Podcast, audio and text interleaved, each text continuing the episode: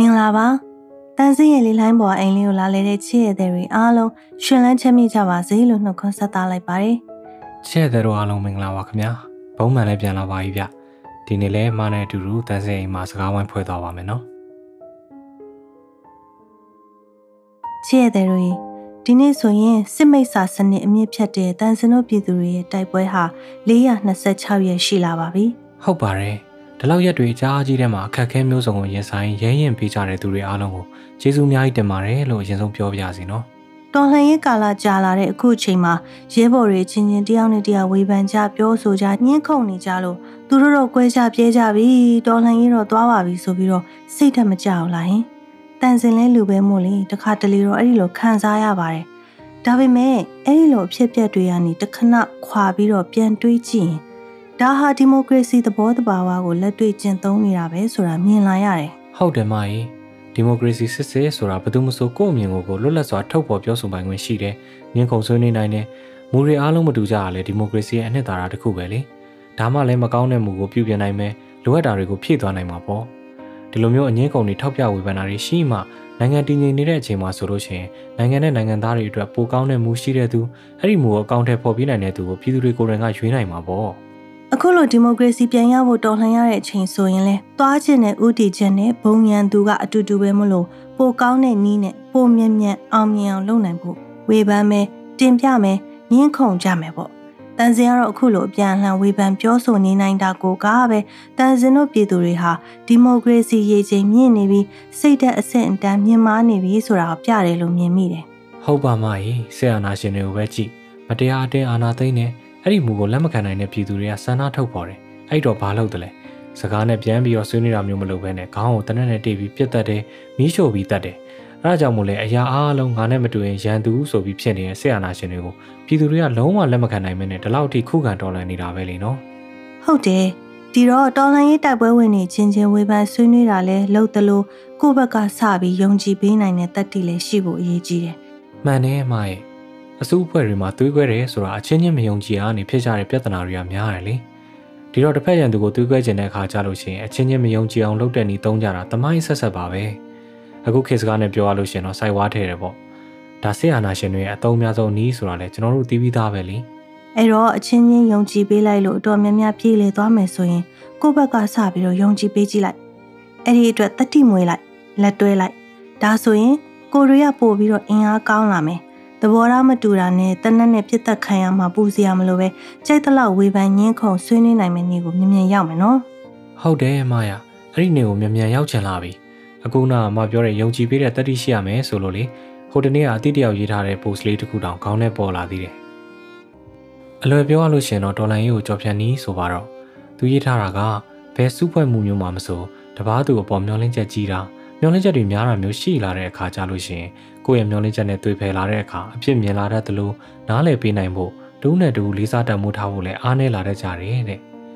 ယထာလန်းလေးတွေလိုပါပဲတူညီတဲ့ပန်းနိုင်တစ်ခုစီကိုရောက်ဖို့အတူတူခရီးဆက်ရတယ်လို့မတူညီတဲ့ပန်းနိုင်တွေပေါ်ပေါက်လာတဲ့အခါကြလို့ရှင်လဲထပ်ဆင်ခရီးဆက်ရတာပဲလေခွဲခွာမှုတွေကတပားသူနဲ့တာမကမိမိကိုယ်ခန္ဓာပါမှာဖြစ်ပေါ်နေတဲ့သဘာဝနိယာမတစ်ခုမျောလင်းချက်မထားဖို့မြတ်တာမပြတ်ရှေ့ဆက်ကြဖို့နဲ့ ကြက်ခိုင်တဲ့နှလုံးသားရှိဖို့ကိုယ့်ကိုယ်ကိုယ်လည်းတတိပေးရတာအခါခါပါပဲတဲ့ဒါလေးဖတ်ပြီးတော့လေကျွန်တော်လည်းကြက်ခိုင်တဲ့နှလုံးသားနဲ့ရှေ့ဆက်မယ်လို့တွေးထားတာအခုမှပြောတာလေးနားထောင်ပြီးတော့ဒီမိုကရေစီကြကြဝေဖန်ကြမယ်ဆွေးနွေးကြမယ်လိုအပ်လို့ရှိရင်ကိုကစပြီးတော့ယုံမှုတက်တိမွေးမယ်တော်လိုက်တဲ့ပုံမှန်လေးကဲချဲ့တယ်ရောပုံမှန်လိုပဲတော်ကြမယ်မဟုတ်လားတန်စင်ကတော့အဲ့ဒီလိုစပြီးတော့ယုံထားလိုက်မယ်နော်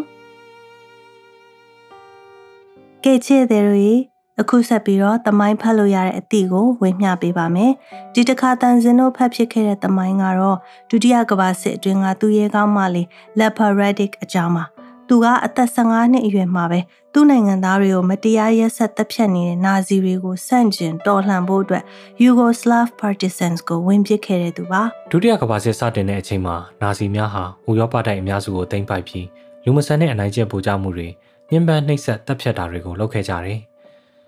ဒါကြောင့်နာဇီတွေသိမ်းပိုက်ခံထားရတဲ့နိုင်ငံတိုင်းဒီပါမှာသူတို့ကိုစန့်ကျင်တော်လှန်ဖို့ဒေသတွင်းတော်လှန်ရေးလှုပ်ရှားမှုတွေပေါ်လာပါတယ်။ဒီဒေသခံတော်လှန်ရေးတပ်ဖွဲ့တွေကဖက်စစ်စန့်ကျင်ရေးစာပေတွေထုတ်ဝေတာအနေစားပြီးဒုက္ခသည်တွေကိုကူညီတာနာဇီတွေနဲ့ထိတ်တိုက်ရင်ဆိုင်ရင်မဟာမိတ်လေရင်မှုတွေကိုအနေအကင်းအောင်ကူပြီးဖွက်ပေးတာနာဇီစစ်မိတ်ဆာတွေကိုပျောက်ကြားတိုက်ခတ်မှုတွေလုပ်တာအထိဒေါ်လာရေးလုပ်ငန်းတွေကိုလှုပ်ဆောင်ခဲ့ကြပါတယ်။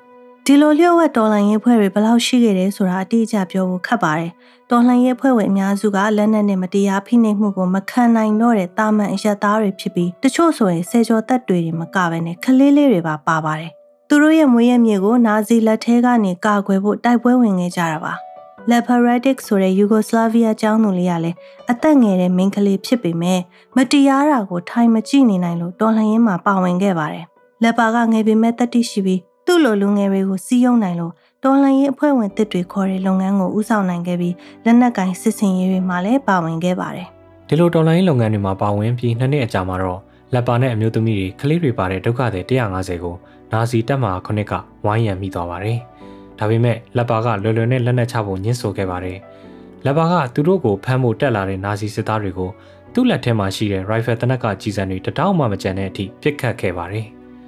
နာဇီတွေကလက်ပါကိုဖမ်းပြီးစစ်ကြောရေးကိုပို့ပြီးတဲ့နောက်၃ရက်ကြာညှဉ်းပန်းနှိပ်စက်ပြီးတော့သူ့ရဲ့ပါတီဝင်ရဲဘော်တွေရဲ့နာမည်နဲ့နေရာတွေကိုတိဖို့စစ်ဆေးခဲ့ပါတယ်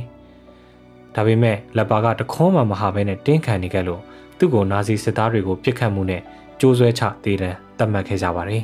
။ကိုမြတ်မဲ့နေမှာတော့နာဇီတွေကလက်ပလက်ပင်ကိုကြိုးကွင်းဆွတ်လိုက်တဲ့အချိန်မှာလက်ပါကလူအုပ်ထဲကိုအခုလိုအော်ဟဲလိုက်ပါတယ် ကွန်မြူနစ်ပါတီနဲ့ငါတို့ပါတီဝင်တွေတတ်တော်ရာကျော်ရှေးပါစေရဲဘော်တို့မင်းတို့ရဲ့လွတ်လပ်မှုအတွက်တိုက်ပွဲဝင်ပါလူမိတ်ဆာတွေကိုလုံးဝအရှုံးမပေးနဲ့ငါအသက်ခံရပေမဲ့ငါအတွက်လက်စားချေမဲ့သူတွေရှိတယ်လက်ပကိုနောက်ဆုံးအနေနဲ့စိတ်ပြောင်းမလားဆိုပြီးနာဇီတွေက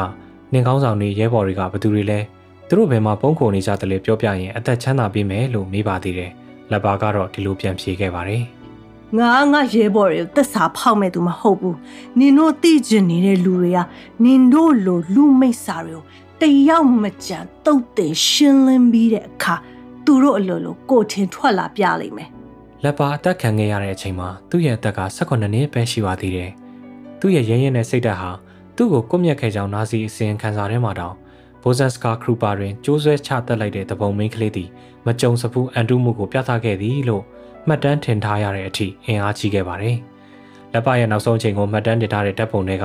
လက်ပရဲ့မျက်လုံးနဲ့အကြည့်တွေဟာတည်ငြိမ်လွန်းရဲရင်လွန်းလို့အခုအချိန်ထိတိတ်ပြီးကြော်ကြပါတယ်။နာဇီတွေကြာရှုံးသွားပြီးတဲ့နောက်မှာတော့1952ခုနှစ်မှာယူဂိုစလာဗီးယားနိုင်ငံကလက်ပကိုနိုင်ငံရဲ့ဒုတိယအမြင့်ဆုံးစစ်ကုံပြုစုဖြစ်တဲ့ Order of the People's Hero Award ကိုပေးအပ်ခဲ့ပါတယ်။လက်ပါဟာငယ်ရွယ်ပြီးလူသက်တမ်းတိုးတောင်းခဲ့ပေမဲ့သူ့ရဲ့ရဲစွမ်းတက်တီနဲ့ သူမတူတဲ့စိတ်ဓာတ်က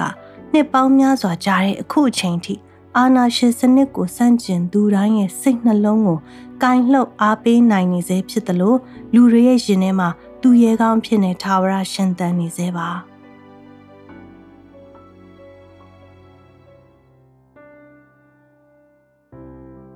ကဲပုံမှန်ရေတန်စင်ရနေနှစ်ပတ်ခရီးထွက်ပြီးဒီနေ့မှပြန်လာတာဆိုတော့မနဲ့ချစ်တဲ့တွေအတွက်ဘာလဲဆောင်ပါလဲပြော စကားလက်ဆောင်တဲလာတာပေါ့မရဲ့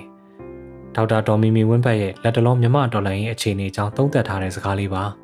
သူကအမေရိကန်ကာကွယ်ရေးဝန်ကြီးဌာနလက်အောက်ကလုံခြုံရေးဘာသာရေးဆိုင်ရာ Asia Pacific ဌာနမှာတာဝန်ထမ်းဆောင်နေတဲ့မြန်မာနွယ်ဖွားပညာရှင်တယောက်ပေါ့2012နောက်ပိုင်းကနေစပြီးမြန်မာပြည်တွင်းမှာအစိုးရဌာနဆိုင်ရာတွေနဲ့အရက်ဖက်အဖွဲ့အစည်းတွေကြားမှာတင်နန်းပို့ချခဲ့မှုတယ်။မြန်မာစစ်ဘက်အရက်ဘက်ဆက်ဆံရေးဆိုင်ရာကျွမ်းကျင်သူလို့လည်းပြောလို့ရမယ်နော်။မလေးဒေါ်မီမီဝင်းဘတ်အကြောင်းဖတ်ဖို့တယ်။ American အရန်ကာကွယ်ရေးတပ်ဖွဲ့မှ28နှစ်ကြာတာဝန်ထမ်းဆောင်ခဲ့တဲ့မြန်မာအမျိုးသမီးဒုဗိုလ်မှူးကြီးဟောင်းနော်။ဒေါ်ဆန်းစုကြည်ရဲ့စုဖောင်ဒေးရှင်းမှာလည်းဥက္ကဋ္ဌအနေနဲ့လုပ်ဖူးရတင်တယ်။ဟုတ်ပါတယ်မကြီး။မျိုးဦးဒေါ်လာရေးကိုပေါ်တင်ထောက်ခံတာမျိုးမရှိခဲ့တဲ့ဇီကဘာဦးတင်ရွှေတို့နောက်ပြီးတော့စကားစအခမ်းထားတဲ့ရန်ကုန်တိုင်းမြို့တော်ဝန်လိုလူတွေအဖမ်းခံရတာနောက်ပြီးတော့ဟိုးတလောဟာလိုမျိုးလေးရက်စီဦးစီးချုပ်ကိုပြောင်းပြတာတွေစစ်ဖက်ဆိုင်ရာယာရုကြီးကြီးတွေကိုဖြုတ်ထုတ်လုပ်နေတာဘာကြောင့်ဖြစ်မလဲလို့ကျွန်တော်ကမေးလိုက်တော့ဒေါ်မီမီဝင်းဘက်ကအခုလိုအဖြေပေးထားပါတယ်ခင်ဗျ ပြီးခဲ့တဲ့အပတ်တွေမှာစစ်အာဏာရှင်တွေကိုခေတ်အဆက်ဆက်ထောက်ခံခဲ့ကြတဲ့ခရိုနီတွေဖမ်းဆီးခံနေရတယ်ဆိုတဲ့အခြေအနေကိုကျွန်တော်တို့တွေ့နေရပါတယ်။ဒါဟာအလွန်အရေးကြီးတဲ့စိတ်ဝင်စားဖို့ကောင်းတဲ့အဖြစ်အပျက်တွေပါပဲ။ဒါကိုကျမအနေနဲ့နှမျိုးသုံးသပ်လို့ရပါတယ်ပထမတစ်ချက်ကတော့ဒါဟာလူတွေကစစ်တပ်ထိန်းချုပ်ထားတဲ့စနစ်ကို အခုလက်ခံလိုက်မယ်ဆိုရင်ရလာမယ့်အနာဂတ်လို့ပဲပြောလို့ရပါတယ်အဲ့ဒီစနစ်ထဲမှာဘယ်သူမှလုံခြုံမှုမရနိုင်ဘူးဒီနေ့လုံခြုံရင်လုံခြုံနေမယ်ဒါပေမဲ့မနေ့ဖန်မှာသူတို့စိတ်နဲ့မတွေ့တော့ရင်မကြိုက်တော့ရင်အကြောင်းပြချက်မျိုးစုံနဲ့ဖမ်းသွားနိုင်ပါတယ်ဒီလိုဆိုရင်လူတွေအားလုံးကမတိကျမှုတွေနဲ့အသက်ဆက်ရတော့မယ်အမြဲတမ်း စိတ်ထဲတထိတ်ထိတ်နဲ့ပူပန်ရင်းနဲ့နေထိုင်သွားရပါလိမ့်မယ်ဒုတိယအချက်အနေနဲ့ကတော့ဒါ defection လောက်တာပြည်သူဘက်ကိုယက်တာလို့အတိတ်ပဲကောက်လို့ရပါတယ်။တမိုင်းနမူနာတွေအရ defection view ဟာကအခုလိုခုခံတော်လှန်ရေးတွေမှာအလွန်အရေးပါတယ်ဆိုတာအရင်ကလည်းကျွန်မပြောပြခဲ့ဥပါတယ်။နောက်ပြီးအခုလိုဖမ်းဆီးမှုတွေကကြည့်မယ်ဆိုရင် စစ်တပ်ကသူတို့ကို ထောက်ခံခဲ့တဲ့သူတွေကိုဖမ်းတယ်ဆိုတာဒီထောက်ခံသူတွေကသူတို့နဲ့အတိုက်အခံဘက်ကိုယိမ်းသွားပြီလို့စကားစားဘက်ကတန်တရားရှိနေတာကြောင့်လို့လည်းသုံးသပ်လို့ရပါတယ်။ဘာကြောင့်လဲဆိုတော့သူတို့ဘက်ကိုထောက်ခံမဲ့သူရနိုင်သလောက်ရဖို့အလွန်လိုနေတဲ့အချိန်မှာအခုလိုဖမ်းဆီးနေတယ်။ဒီတော့ဒါရဲ့နောက်ွယ်ကဖြစ်နိုင်တဲ့ တခုတည်းသောအကြောင်းရင်းကတော့ဒီ crony တွေလူတွေဟာပြည်သူဘက်ကိုဘာဖို့စိတ်ပြောင်းလာကြလို့ပဲအထိပ္ပယ်ကောက်လို့ရပါတယ်ဒေါ်မီမီဝင်းဘတ်ပြောတဲ့အတိုင်းပဲစစ်ဖက်နှက်အောက်မှာဒီအတိုင်းဆက်နေရင်သူတို့ကိုထောက်ခံသည်ဖြစ်စေမထောက်ခံသည်ဖြစ်စေဘယ်သူမှလုံခြုံမှုမရနိုင်ဘူးစိတ်မထင်မထင်သလိုမိစ္ဆာတွေရဲ့အိမ်တကားဝါရောက်လာမှာပဲဖမ်းတာတတ်တာခံရမှာပဲ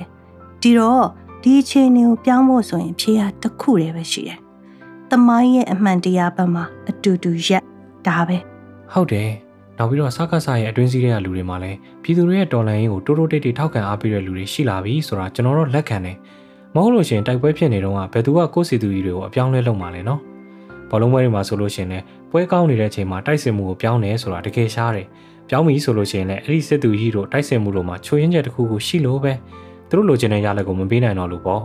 ကျွန်တော်တို့တော့နိုင်ဖို့နီးလာပြီလို့ထင်တာပဲ